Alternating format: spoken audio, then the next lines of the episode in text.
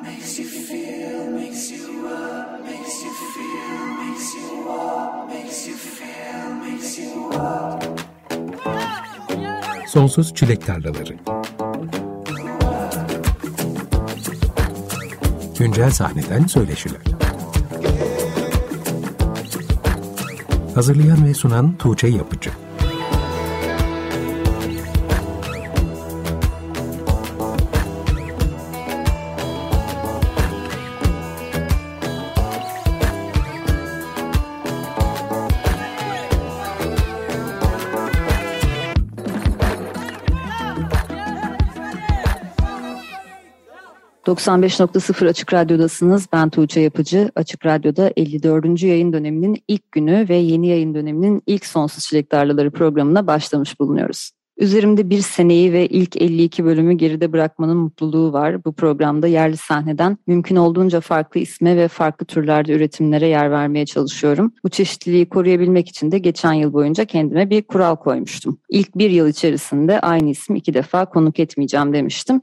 Bu yüzden ilk bir sene boyunca her bölümde Sonsuz Çilek Tarlalarına ilk defa konuk olan bir isimle birlikteydik. Bundan tam bir sene önce ilk konuğum Glass Access'ti. Uzun senelerdir takip ettiğim, çok sevdiğim ve yakın hissettiğim bir sanatçı olduğu için programın ilk bölümünde onun olmasını istemiştim. Bir sene sonra bugün yine Glass Access'le birlikteyiz. Hem programın birinci yaşını kutlayacağız hem de kendisinin 22 Ekim'de yayınlanan Prenses Anksiyete ve Princess Anxiety isimlerini taşıyan Double albümünün çıkışını kutlayacağız. Programın açılışında da Glass Access'in Prenses Anksiyete albümünden Sim Okyanusu adlı parçayı duydunuz. Lafı daha fazla uzatmadan kendisini takdim etmek istiyorum. Hoş geldin Melis. Hoş bulduk Tuğçe. Programın birinci yılı kutlu olsun. Teşekkür ederim. Nasılsın? Çok iyiyim. Ee, ilk bölümde de seninleydim. Şimdi tekrar birinci yılın ilk bölümünde de olmak gurur, mutluluk, harika. Sen nasılsın? Ben de çok iyiyim. Hem de yeni bir albümle burada olduğun için çok mutluyum aslında. Hatta bir değil iki albümle diyelim. İlk programda daha dün gibi gerçekten sanki çok yakınmış gibi hissediyorum. Bu programdaki ilk söyleşimizi yaparken senin biraz ateşin vardı ve acaba Covid mi geçiriyorum endişesi içerisindeydin. Sonra sene boyunca benzer durumları başka konuklarla da yaşadık ve bu kaygıları yayına yansıtmamaya çalıştık aslında. Son anda iptal olan kayıtlarımız oldu. Pek çok anlamda zorlu bir seneydi. O zaman pandeminin dünyada hızla yayılmaya başlamasının 8. ayındaydık sanırım. Şimdi bir buçuk seneye devirdik. Ama hala son derece korunaklı bir şekilde yaşamaya devam eden, mümkün oldukça kalabalık buluşmalara katılmayan ve evde kalmayı tercih eden benden başka tanıdığım tek insan sen olabilirsin. Evet, o şeyden çıkamıyorum çünkü pandemi hala devam ediyor. Çok anlamıyorum yani. devam etmiyormuş gibi davranamıyorum. Özellikle aslında şarkıcıların daha da çok dikkat etmesi gerektiğini düşünüyorum. Yani ben şarkıcı olsaydım, sesimle bir iş yapıyor olsaydım herhalde çok daha da fazla gerilirdim. Tabii canım ya bir de şey var ortada yani hiçbir şekilde bitmedi, bitmiyor ve hani bu bu şekilde dikkatsiz davrandıkça yani daha da çok bitmeyecek gibi duruyor. Hani evet aşılarımızı oluyoruz vesaire ama hani bunun işte long covid denilen şeyi var. Bir sürü bir sürü kısmı var yani hani düşünmek gereken. Bir de başından beri benim hep en korktuğum şey ya bana bulaşsa ben birine bulaştırsam ve o insana benim yüzümden bir şey olsa ben ne yaparım? Onu aşamıyorum yani. Kesinlikle o sorumluluk hissi bende de fazlasıyla güçlü seyrediyor. Ya tabii herkes bir yandan da haliyle bıktı. Çok normal yani geldiğimiz noktada normal değil. O yüzden anlıyorum da. Biz hala direniyoruz ama sosyalleşmeye. Melis 2017'den beri Londra'da yaşıyorsun. Görüşmeyeli nasıl gidiyor Londra'da hayat? Ya Londra'da hayat çok güzel gidiyor. Londra'dan aslında ben pandemide yani birkaç ay önce evden çalışmalar başlayınca vesaire Londra'nın böyle dışında yakın bir kasabaya taşındım. Hala Londra'da çok güzel gidiyor hayat o tarafa dönmeye çalışıyorum o yüzden tekrar. Böyle bir özlem içinde. Ama evet İngiltere'de genel olarak işte yoğun bir iş koşturması bununla birlikte işte hani her bulduğum vakitte Glass Access üstüne yeni şeyler yapma gibi şeylerle böyle hani tatlı tatlı gidiyor. Bir yandan da pandemi. Bir sürü şey yani. son aylar zaten albüm heyecanıyla geçti. Evet. Aslında benim de son bir ayım senin albümün heyecanıyla geçti. Beni de bir şekilde bu heyecanı ortak ettim. Bundan yaklaşık iki hafta önce gizli basından müzisyenler ve sektörden insanların yer aldığı önden bir albüm dinleme partisi yaptık albüm yayınlanmadan önce Zoom üzerinden. Ben de onun öncesinde bir sürü albümü dinledim, yayına hazırlandım. Sonrasında zaten vakit çok çabuk geçti ve albüm çıktı. Sen tabii İngiltere'de yaşadığın için bizden iki saat daha geç çıktı sizde Geçen hafta da bunun heyecanı içindeydin albüm çıkmadan önce. Evet, hiçbir şekilde göremiyordum insanlar paylaşmaya başlamıştı Türkiye'den ama buradan hani göremiyorum hiçbir şekilde herhangi bir dijital platformda iki saat öncesinde olduğum için. Senin her zaman konuşacak çok şeyimiz var. O yüzden bir an önce yeni albümden konuşmaya başlayalım istiyorum. Çünkü biliyorum ki yine zaman nasıl geçtiğini anlamadan programın sonuna geleceğiz. Albümün isminden başlamak iyi olabilir gibi hissediyorum. Çünkü gerçekten son senelerde muhabbetin bir noktasında bende kaygı bozukluğu var demeyen pek fazla insanla tanışmadım. Çok sayıda insanın kaygı bozukluğu ve depresyondan muzdarip olduğu bir dünyada yaşıyoruz. Senin hissettiğin dünyaya ve kendi yaşamına dair hangi kaygılar bu albüme Prenses Anksiyete ismini vermene sebep oldu? Ya aslında bahsettiğin gibi benim de yani tanıdığım herkes biliyor ya da bilmiyor olsun bir takım kaygı bozuklukları içinde bir takım anksiyeteler işte hani tamamen bir depresyon salgını çağında yaşıyoruz. Yani teşhis konmasa da herkes kendi teşhisini koyuyor aslında artık. Evet. Bazı insanlarda hatta yani o farkındalık da yok. Hani koyamıyor da. Ve belki kendini suçluyordur yani ben niye böyleyim falan diye. Öyle bir kısmı da var yani çok farkındalık olan bir tarafı da yok dünyada çok. İngiltere'de bu aslında çok işte farkındalık yaratılmaya çalışılınıyor bir süredir bunun hakkında. Ben de işte hatta burada bir Londra radyosunda yöneticiyim ve o radyo hani müzik radyosu değil de daha işte mental sağlık hakkında işte insanların iyiliği olsun, ruh sağlığı olsun. Pek çok böyle hani yararlı şeylerin konuşulduğu diyeyim ya da insanların yararlı olmasına da gerek yok. Kendi hani deneyimlerini paylaştığı programların olduğu bir radyo. Belki hani İngiltere'de olmak, işte bu farkındalığın çok fazla gündemde olması, işte aynı şekilde radyoda çok fazla benim buna maruz kalmam bütün işte programlarla birlikte. Büyük ihtimalle onlar da etkiledi. Bunun üstüne düşündükçe dediğin gibi bakıyorum ve herkes de bir şekilde pandemiyle birlikte daha çok böyle ayyuka çıkan bir takım depresif durumlar, anksiyeteler vesaire var. Bunların hepsi tabii işte pandemiyle birlikte bir araya geldi ve albümün kendi işte başka bir takım konseptleri de var. Başka işte anahtar kelimeler de var albümün konseptinde. Onunla birlikte böyle hafif kasvetli havalara sokan kısmı bütün evet dünyadaki anksiyeteler albüme ismini verdi galiba. Bu albümün aslında şöyle bir özelliği de var. Bir önceki albüm Mavi Toz Ormandan'ın tam bıraktığı yerden hikaye devam ediyor. Evet. Bu devamlılık konusunu ne söyleyebilirsin bize? Bu da şöyle, Mavi Toz Ormandan'ın son şarkısı Retro Roketler. Orada hani hep şey diyorduk. Burada işte Glass Access karakteri, bu bir persona zaten başından beri. Dünyayı terk ediyor, galaksilere yol alıyor roketine binip.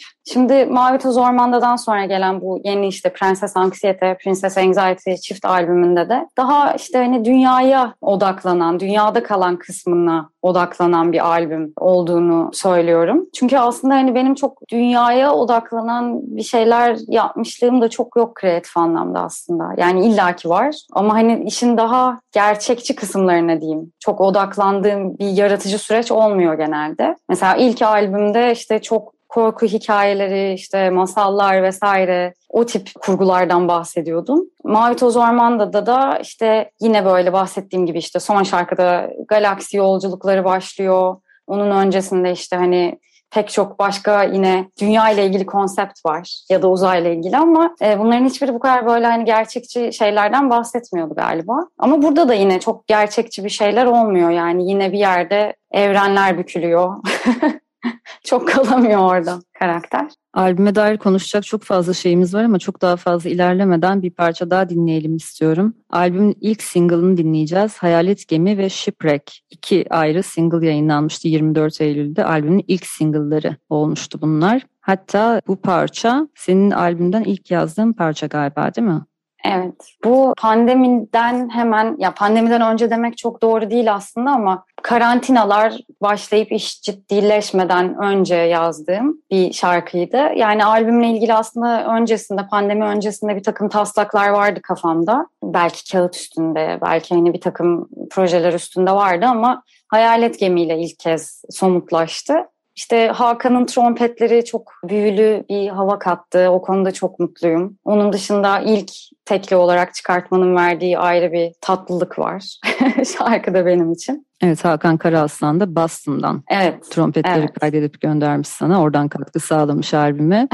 Şimdi biz Shipwreck parçasını dinleyeceğiz. Çünkü bu akşam biraz İngilizce albümden biraz Türkçe albümden bu double albümün her yönünü görelim istiyorum. O zaman Glass Access'ten Princess Anxiety albümünden Shipwreck parçasını dinliyoruz. Ardından kendisiyle tekrar burada olacağız. 95.0 Açık Radyo'da Sonsuz Çilek Tarlaları programı devam ediyor. Glass Access'in 22 Ekim'de yayınlanan Princess Anxiety albümünden Shipwreck adlı parçayı dinledik. Kendisi de bu akşamki konuğum. Şimdi söyleşimize kaldığımız yerden devam ediyoruz. Melis ilk albüm Planet Reverse'de 2017 senesinde yayınlanan şarkı sözleri İngilizceydi. İkinci albüm Mavi Toz Orman'da Türkçe sözlerden oluşuyordu. Üçüncü albüm Türkçe mi olacak İngilizce mi olacak diye merak ederken biri İngilizce biri Türkçe olmak üzere bir değil iki albümle çıka geldin. Bu kararın arkasındaki sebepleri merak ediyorum. Ya aslında kararın arkasında yani ilk başta ben de merak ediyordum. Türkçe mi olacak İngilizce mi? Hani bir albüm var kafamda. Düşüne düşüne bir noktada bir anda şeyi fark ettim galiba. Neden ikisi birden olmasın ki?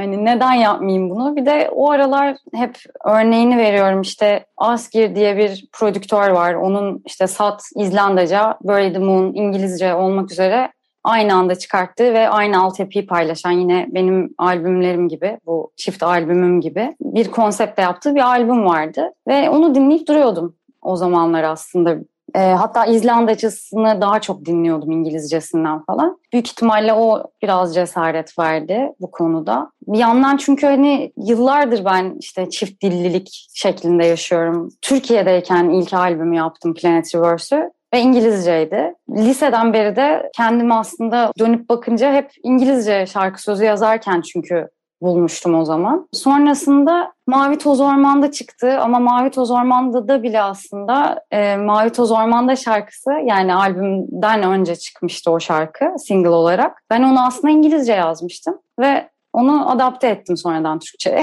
Böyle hani bir e, oturmuş bir şarkı sözü yazma kafası var sanırım. Bir konsepti var bende. O yüzden ya bunu neden yapmayayım ki dedim. Şu an dönüp bakınca yani dönüp bakınca değil daha doğrusu bulunduğum noktada çok mutluyum. İyi ki hani bu kadar beklemişim içime sinen bir hali olsun diye. Ama gerçekten deli işi koskoca bir ekiple girmeniz gerekiyor yani böyle bir şey yapmak için. Kesinlikle yani deli işi. Çok çok e, uğraştırıcı bir böyle serüvendi. O evrende yaşadım yani bütün pandemi boyunca. Az bir zaman değil. Yani ismi Covid-19 biliyorsun.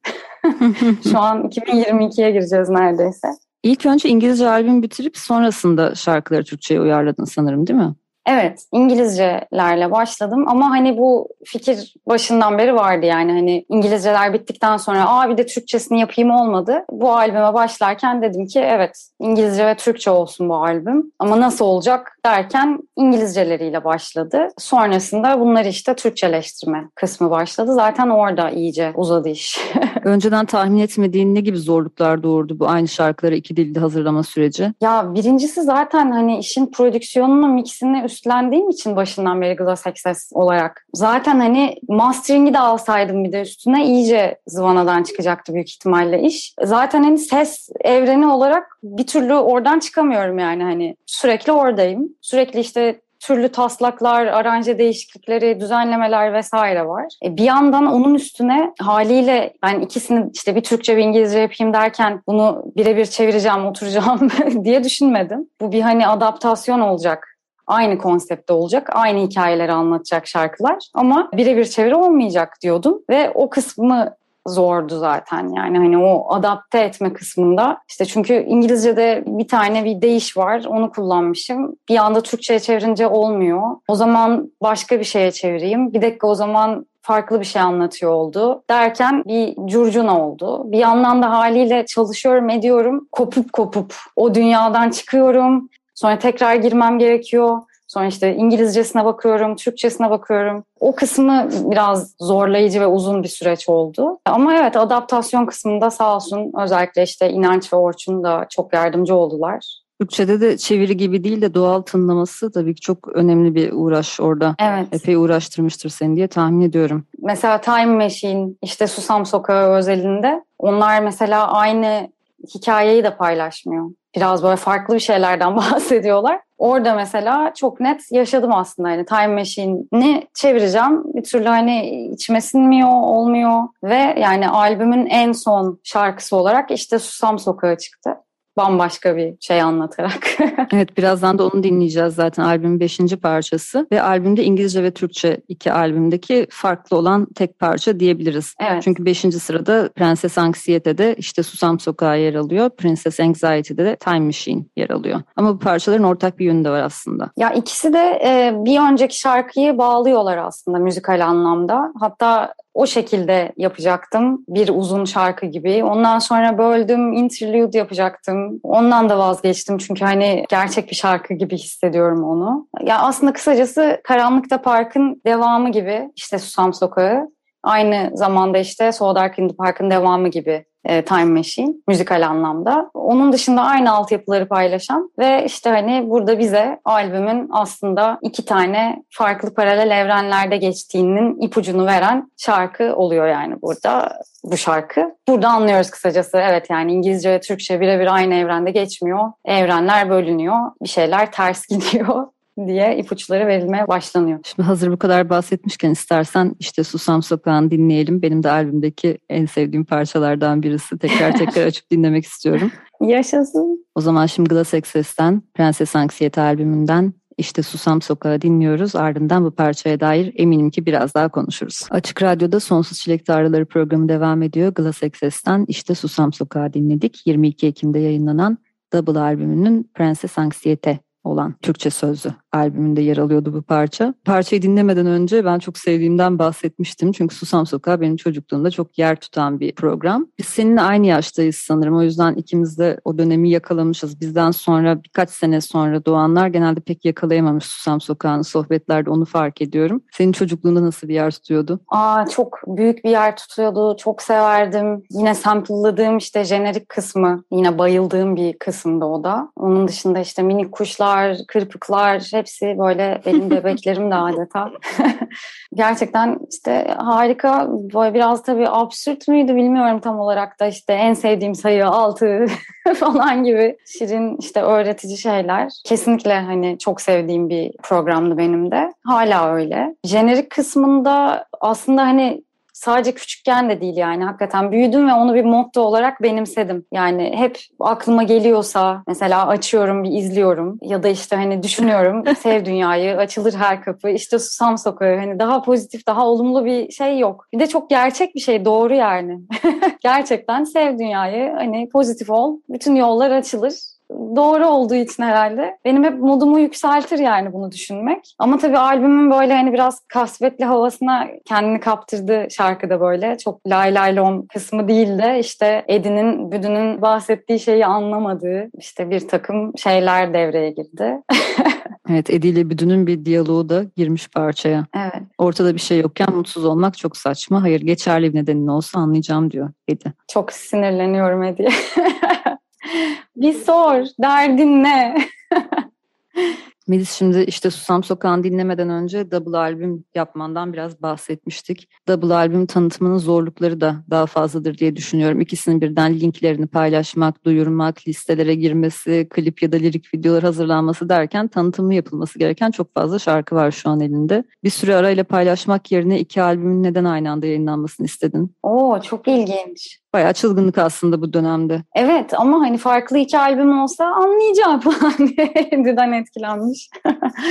yani evet farklı iki albüm olsa aynı zamanda paylaşmak çok ilginç bir soru ya. Hiç böyle düşünmemiştim. Hiç senin aklına gelmedi yani bunları ayrı zamanlarda paylaşayım gibi bir şey zaten. Asla gelmedi. Bir de aynı etkiyi yaratmazdı. Şimdi insanlar bir albümü aslında bir anda yayınlamaktan bile imtina ediyorlar ve öncesinde belki 8 tane single Tabii canım. sonra albüm geliyor. O kısmı kesinlikle delilik. Aslında hani bakıyorum benim bunu yaptığım zaman şu an insanların her ay bir single çıkarttığı, asla albüm çıkartmadığı bir zaman neredeyse. Bu işi kurgularken çok düşündüm ben de. Ya acaba ne olacak? İşte albüm diyorum ya bir anda işte hani tek tek çıkartmam gerekirse o zaman albüm olmayacak. E ama hem İngilizcesi var hem Türkçesi var nasıl olacak bu iş derken yani ben bu şekilde istiyordum. Kafamda bu vardı. Beni heyecanlandıran şey bu. Yani işin olması gereken tarafını çok böyle düşünmedim diyeyim. Belki hani ne kadar doğru bilmiyorum ama gerçekten şey diye çıktı ortaya yani evet aynı anda çıkacaklar. Ama şu an düşününce gerçekten farklı zamanlarda çıkmazdı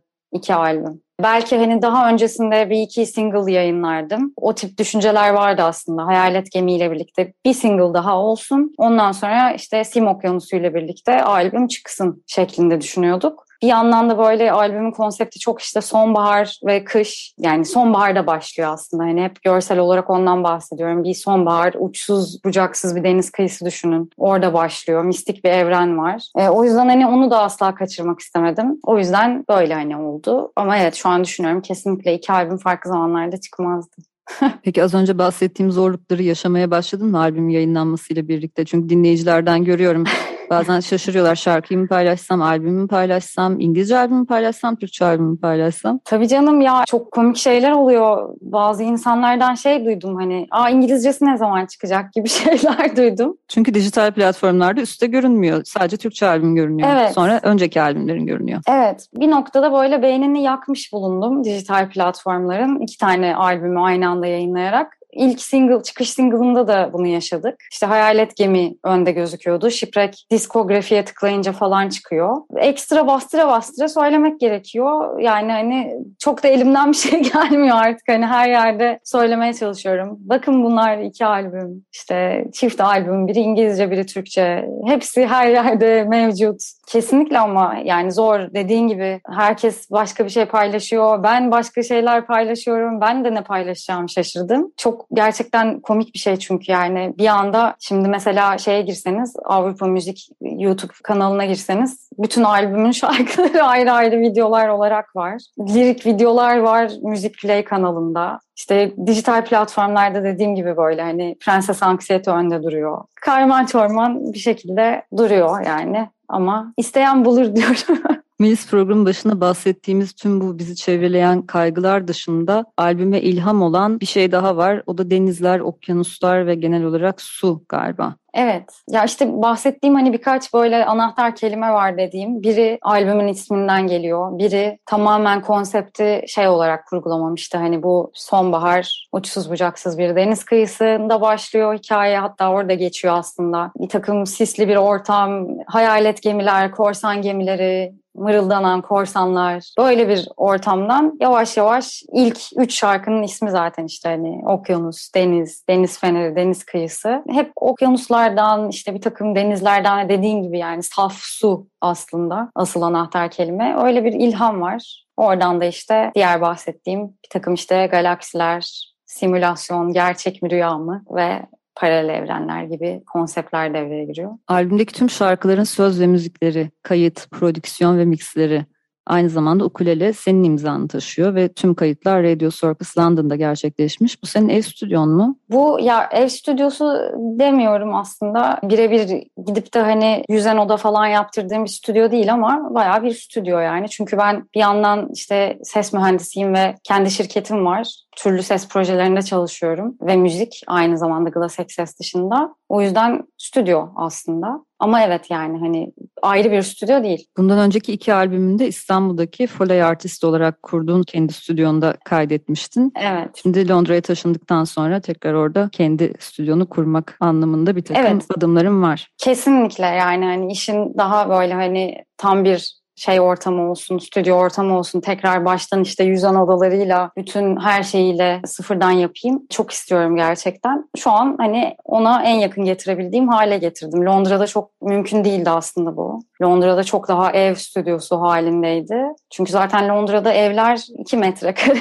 Biraz zor evde hani o stüdyo ortamını daha iyi kurmak. Ama evet yani İstanbul'daki stüdyo bambaşka bir şeydi zaten benim için. Çok özledim. Böyle bir double albümün altından tek başına kalkmak çok zor bir şey. Programın başına biraz bahsetmiştin aslında. Yani dünyada bunu yapanlar var ama çok geniş bir ekiple başlıyorlar bu işe diye. O yüzden sen her şeyi tek başına yaptığın için uzun bir zamana yayılan bir yapım sürecinden mi geçti albüm? Çok uzun, e, çok çetrefilli, meşakkatli, bütün o e, özel kelimeleri kullanabiliriz bunun için. Baştan böyle bir şeye girmezdim belki de hani bu kadar geleceği görsem. hani şu anda görsem girerdim ama hani o süreci böyle bir vizyon olarak yaşasam büyük ihtimalle girmezdim. O derece yoğun, uzun ve e, meşakkatli bir süreç oldu. Hakikaten bahsettiğin gibi yani işte hani verdiğim bir örnek hani Taylor Swift'tir bilmem nedir falan olacaksın. 10 tane prodüktörle çalışacaksın. 20 tane şarkı sözü yazarı olacak. İşin hani tanıtım kısmıyla başkaları ilgilenecek. Birebir her şeyini aşırı emek vererek sıfırdan yaptım. Ama burada hani şeyden de bahsetmek isterim kesinlikle hani Glass Access'in yani evet hani şarkıları e, proje benim kişisel projem ve hani şarkıları sıfırdan hani hep ben yapıyorum, ben kurguluyorum vesaire. Ama hani işin içinde bir yandan da bana hep destek olan iki kişi var işte İnanç ve Orçun. Onların da sağ olsun ben ne zaman çıkmayacak mı bu albüm diye bağırdığımda bana destek olup yardımcı oldular çok. Zaten inançın basları her zamanki gibi başından beri. Evet yani inanç başından beri Glass Access'in zaten ilk günden beri e, bir parçası bas gitarlarıyla hep. Hatta daha da öncesinde çeşitli gruplarda hep birlikte çaldık. Orçun da aynı şekilde ilk günden beri bu işin bir parçası. Hem onun işte yönetmen bakış açısının getirdiği işte o vizyon bambaşka etkiliyor bizi. Hem inanılmaz parlak fikirler ortaya atıyor bir anda. Ve yani ilk onlara dinletiyorum bir şeyler yaptığında. Sonra bir, bir şekilde hani bunu kreatif bir şekilde konuşuyoruz, ediyoruz. Ama yeterli mi? Onar tane prodüktör, onar tane şarkı sözü yazarı olsa fena olmazdı.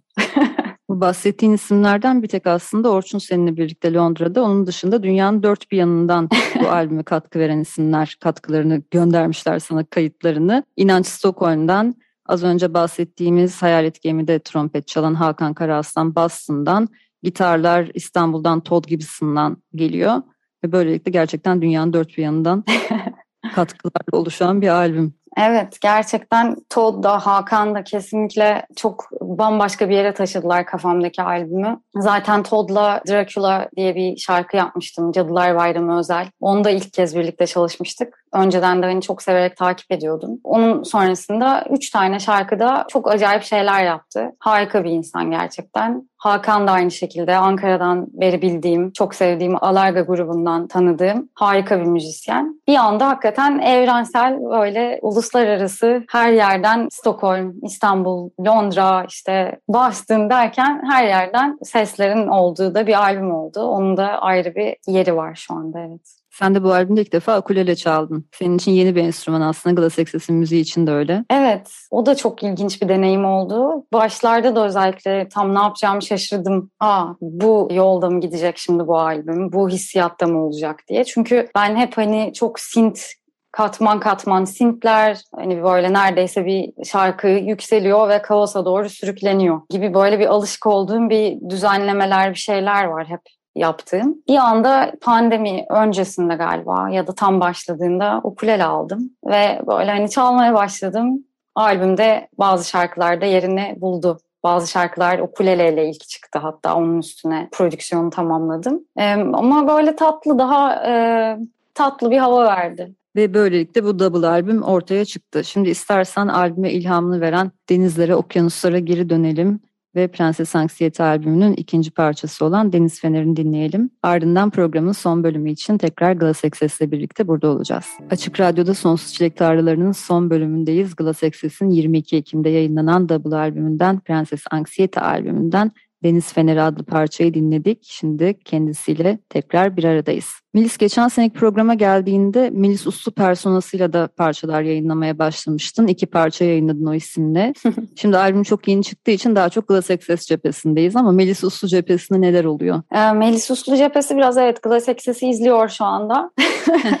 Gerçekten bütün planda oydu zaten. O noktada yani ikinci şarkıyla birlikte Melis Uslu'nun çıkarttığı albüme yoğunlaşmaya başladım ve hani o tarafı bıraktım şu anda. O taraf biraz şeyde devreye giriyor. O işte throwaway persona dediğim bir şey olduğu için çok böyle hani Glass Access'le ya hala zaten albüm çok yeni. Daha yeni çıktığı için tamamen bütün odak burada şu anda. Başka bir şey düşünemiyorum ama ilerleyen zamanlarda hani Melis Uslu'yla yine bir takım çıkışlar olacak. Olur diye düşünüyorum. Dediğim gibi hani onu çok kurgulamamaya çalışıyorum. O daha çok benim böyle biraz biraz güvenli bölgem gibi bir şey aslında. Biraz hani Glass Access'in üstüne oturttuğum işte bir ses evreni var ya da görsel pek çok işte medyanın bir araya geldiği benim kafamda bir evren var. Ve ona çok uyduramadığım ya da hani başka özel durumları olan ya da hani bir takım işte hani ortak çalışmaları vesaire yine Melis Uslu adıyla çıkartırım diye düşünüyorum. Ama şu anda o izliyor. Belki seni Glass Access olarak takip edip de Melis Uslu personasıyla yaptığın işleri bilmeyenler de vardır diye ondan da bir kısaca da olsa bahsedelim istedim. Eğer senin elinden çıkan diğer işleri de dinlemek isterse şu an dinleyenler Melis Uslu olarak aratıp o isimle yayınladığın iki parçayı da dinleyebilirler. Melis sen ilk albümünü kendin yayınlamıştın. İkinci albümün uluslararası bir label'dan yayınlandı. Yeni albümde Avrupa Müzik Etiketiyle dinleyiciyle buluştu.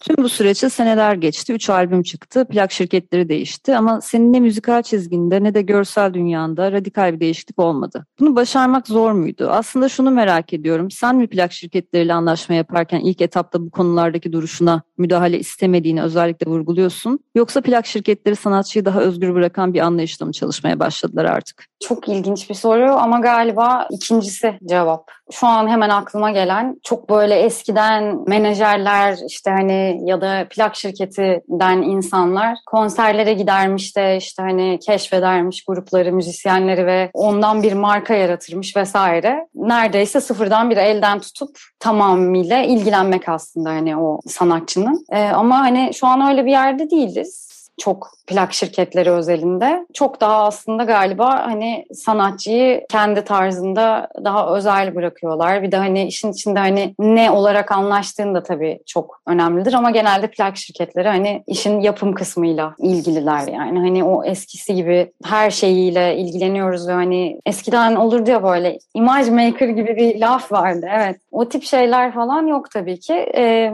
ama hani özel bir şekilde ben sözleşmelerde hani öyle bir şey konuşmuyorum. bana karışmayın gibi. Daha çok dediğin gibi ikinci tarafta aslında çok fazla sanatçının tarzı. Zaten hani o tarzı beğenip şu anda hani kendi sanatçı rosterlarını genişletiyorlar. Hani o yüzden hani çok fazla bir müdahale yok yani. O yüzden de kolay oluyor. aslında dediğin gibi ENR'lar hala bir şekilde konserlere gidip keşfediyorlar ama daha çok aslında kendilerine gönderilen başvurular üzerinden değerlendirme durumu var. Çünkü çok fazla üretim var. Çok fazla evet. başvuru oluyor plak şirketlerine yine dediğin gibi artık o image maker'lar falan çok da fazla galiba en azından bağımsız sanatçılar özelinde bu şekilde çalışmalar çok yapılmıyor sanırım. Evet. Yani o bağımsız sanatçılarla çalışmaya başladıkça plak şirketleri de bu sürece uyumlanıyorlar gibi hissediyorum. Galiba. Sen her cepheyi deneyimlediğin için merak ettim. Evet ya gerçekten üstüne düşünmem gereken bir soru gibi geldi. Dediğin gibi çünkü bağımsız da çıkarttım. iki ayrı label'da da çalıştım. Farklı taraflarını da gör- görüyorum. Ama zaten şirketlerden de böyle bir talep gelmedi diyorsun. Yani bu albümde de artık seni sarı saç çıkartalım gibi. Yok öyle bir şey gelmedi ama gerçekten ben yapacaktım bunu. Kimseden gelmedi ama ben kendim böyle bir sarışın olup direkt albüm için böyle bir şey yapacaktım. Belki bir sonraki albümde. Belki evet. Sonra bir korktum kendimi tanıyamam şimdi. Yüzyıllardır bu saçlarım var deyip biraz vazgeçtim. Peki son 4 senedir Londra'da yaşaman Türkiye'de müziğin dinleyiciye ulaştırmanı zorlaştırıyor mu? Çünkü zaten hem döviz kurları hem pandemi yüzünden konser vermeye gelemiyorsun. Yüz yüze yapılacak söyleşi, video projeleri vesaire gibi şeylere katılamıyorsun. Bu projeyi zorlayan bir şey dönüştü mü senin için zaman içinde? Kesinlikle dönüştü ve aslında pandeminin de bana yani getirisi oldu diyeyim o konuda. Çünkü hani her şey işte online'a döndü. Bak mesela şu anda ben radyoya gelmeden seninle hani bu şekilde bir söyleşi yapabiliyorum. Aslında daha önce yapamamıştık. Pandemi öncesinde de ben senin konuk almayı çok istemiştim. Evet. Ama hep stüdyoda yapıyorduk programları ve bu şekilde bir kayda önceden işte kayıt etmeye vesaire uzaktan bu işleri yapmaya ben de alışık değilim. Benim için de bu dönemde yeni öğrendiğim bir süreç oldu. Ve bu vesileyle aslında son bir senede iki defa birlikte olabildik radyoda. Kesinlikle. Ya yine aynı şekilde işte online konserler vesaire hani aslında benim için tatlı şeyler oldu o açıdan bakınca. Çünkü bahsettiğin gibi yani pound aldı başını gitti işte dolar vesaire hepsi aldı başını gitti ve bu hani pandemi öncesinde de çok farklı değildi yani şimdi evet çok daha arttı. Ama giderek değer kaybeden bir para birimi var. Bir yandan hani benim buradan Türkiye'ye konsere gitmem işte orada hani hesaplayacağımız şeyler var. Uçak bileti. Sadece benden de bahsetmiyoruz. İnanç Stockholm'dan gidecek. Biz buradan gideceğiz Londra'dan. Ondan sonra işte işin kalma kısımları var. Pek çok hani böyle düşünülmesi gereken kısımlar var ve hani bütün o para birimi çarpılınca 13 ile çok benim işime yarayan bir şeye dönüşmedi haliyle. Ve dediğin gibi yani pandemi öncesinde bu online şeyler de çok yaygın değildi. O yüzden çok tabii ki zorlaştırdı aslında. Benim hani Türkiye'deki yaptığım sanat kısmını zorlaştırmıştı. Hani şimdi böyle yavaş yavaş herkesin aslında pandemiyle birlikte şeyi fark etmesiyle birlikte galiba ya biz aslında bütün dünyada sınırların kalktığı, her an herhangi bir dünyanın bir ucundan biriyle konuşabildiğimiz bir yerdeyiz. Neden aslında bunu yapmıyoruz ki diye bir fark ediş sonrası giderek hani galiba benim için o zorluklarda böyle gidiyor mu? acaba? 2017'de Londra'ya taşındıktan sonra sadece 2018'de İstanbul'da bir önceki albümün lansman konserini verdin galiba. Sonra da üzerine pandemi patlak verdi ama aslında sadece İstanbul'da değil Türkiye'nin başka yerlerinden de sana konser talepleri geldiğini görüyorum dinleyicilerden. Geçen seneki programa geldiğinde şöyle söylemiştin. Bir önceki konsere geldiğinde pound'u 7 ile çarpıyorduk. Şimdi pound'u 10 ile çarpıyoruz demiştin. Tam bir sene sonra an... bugün 13 ile çarpıyoruz. evet. Bu senin Türkiye'de bir sponsor desteği olmadan konser vermenin neredeyse imkansız hale getiren bir şey mi? Kesinlikle öyle. Yani hani kendi cebimizden bir şeyler çıkartacağız. Kendi zamanımızı yaratacağız. Kesinlikle çok zor bir yerde yani ekonomik olarak bu iş dediğin gibi. Şimdi bir double albüm çıkarmışken eminim ki çalmak istiyorsundur. Belki bir lansman konseri yapmak, normal şartlarda belki bir turne olabilirdi. Ama yakın zamanda herhangi bir konser dinleme şansımız olacak mı sence Türkiye'de veya başka bir yerde? Ya aslında bunun böyle hani bir turne planı yapmaya çalışıyoruz. Ama işte detaylar belli değil ve hakikaten pek çok kısmı var düşünmem gereken. Yoksa bahsettiğin gibi albümle de birlikte bir takım böyle üniversitelerden vesaire hani bazı şuraya da gelsenize bunu da yapsanıza gibi farklı etkinlik önerileri vesaire geliyor. Bunları da değerlendirip bir şekilde hani bir yolunu bulmaya çalışacağız böyle bir mini bir şey gibi, mini turne gibi belki.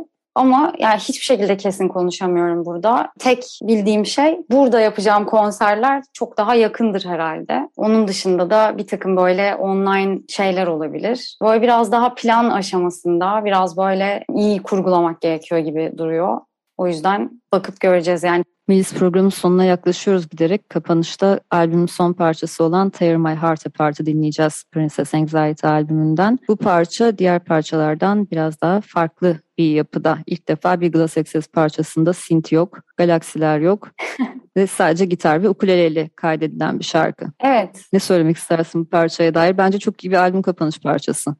çok teşekkür ederim ya. Gerçekten çok tatlı bulduğum, çok içime sinen bir şarkı oldu. Aslında böyle biraz soundcheck havası var. O yüzden bir tık daha böyle belki yakınlaştırıyor dinleyiciyle e, müziği. Ama fark ettim ki bu e, yaptığımız albüm dinleme partisinde fark ettim ki benim aslında sintsiz yaptığım ilk şarkıymış. Onu fark etmemiştim. Onu fark etmek de bambaşka bir hava kattı şimdi benim için dinleyince. Yine Todd'un gitarları işte hani ben ukuleleyle bir şeyler yapıyorum şarkıda. Bir böyle hani işte o reverbler, bütün o çok az katmanlı ses evreni bu şarkıda gerçekten böyle bir bambaşka kapanış havası verdi. Ben de çok seviyorum şarkıyı. Ve böylelikle Sonsuz Çilek Tarlalarında 54. yayın döneminin ilk programının sonuna geldik. Bu akşam konuğum Türkçe sözlü parçalardan oluşan Prenses Anksiyete ve parçaların İngilizce sözlü versiyonlarından oluşan Princess Anxiety Double albümünü 22 Ekim'de yayınlayan Glass Access'ti. Bir senenin ardından bu akşam yeni albüm vesilesiyle bir defa daha buluştuk. Çok teşekkürler Melis. Son olarak eklemek istediğim bir şey var mı? Ben çok teşekkür ediyorum. Gerçekten harikasın. Seni çok seviyoruz. İyi ki varsın. Programın birinci yılını en içten dileklerimle de kutluyorum. Gerçekten harika bir program. İlk bölümde de seninleydim.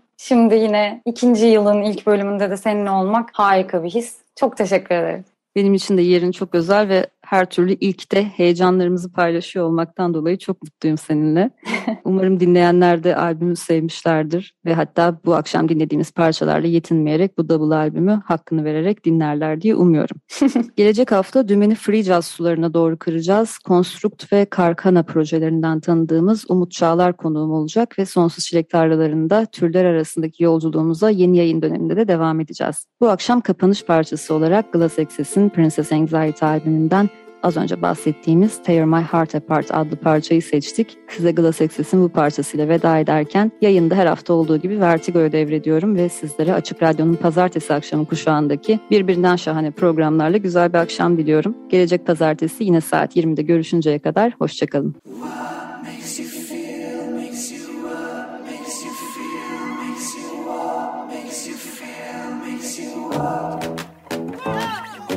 Sonsuz Çilek Tarlaları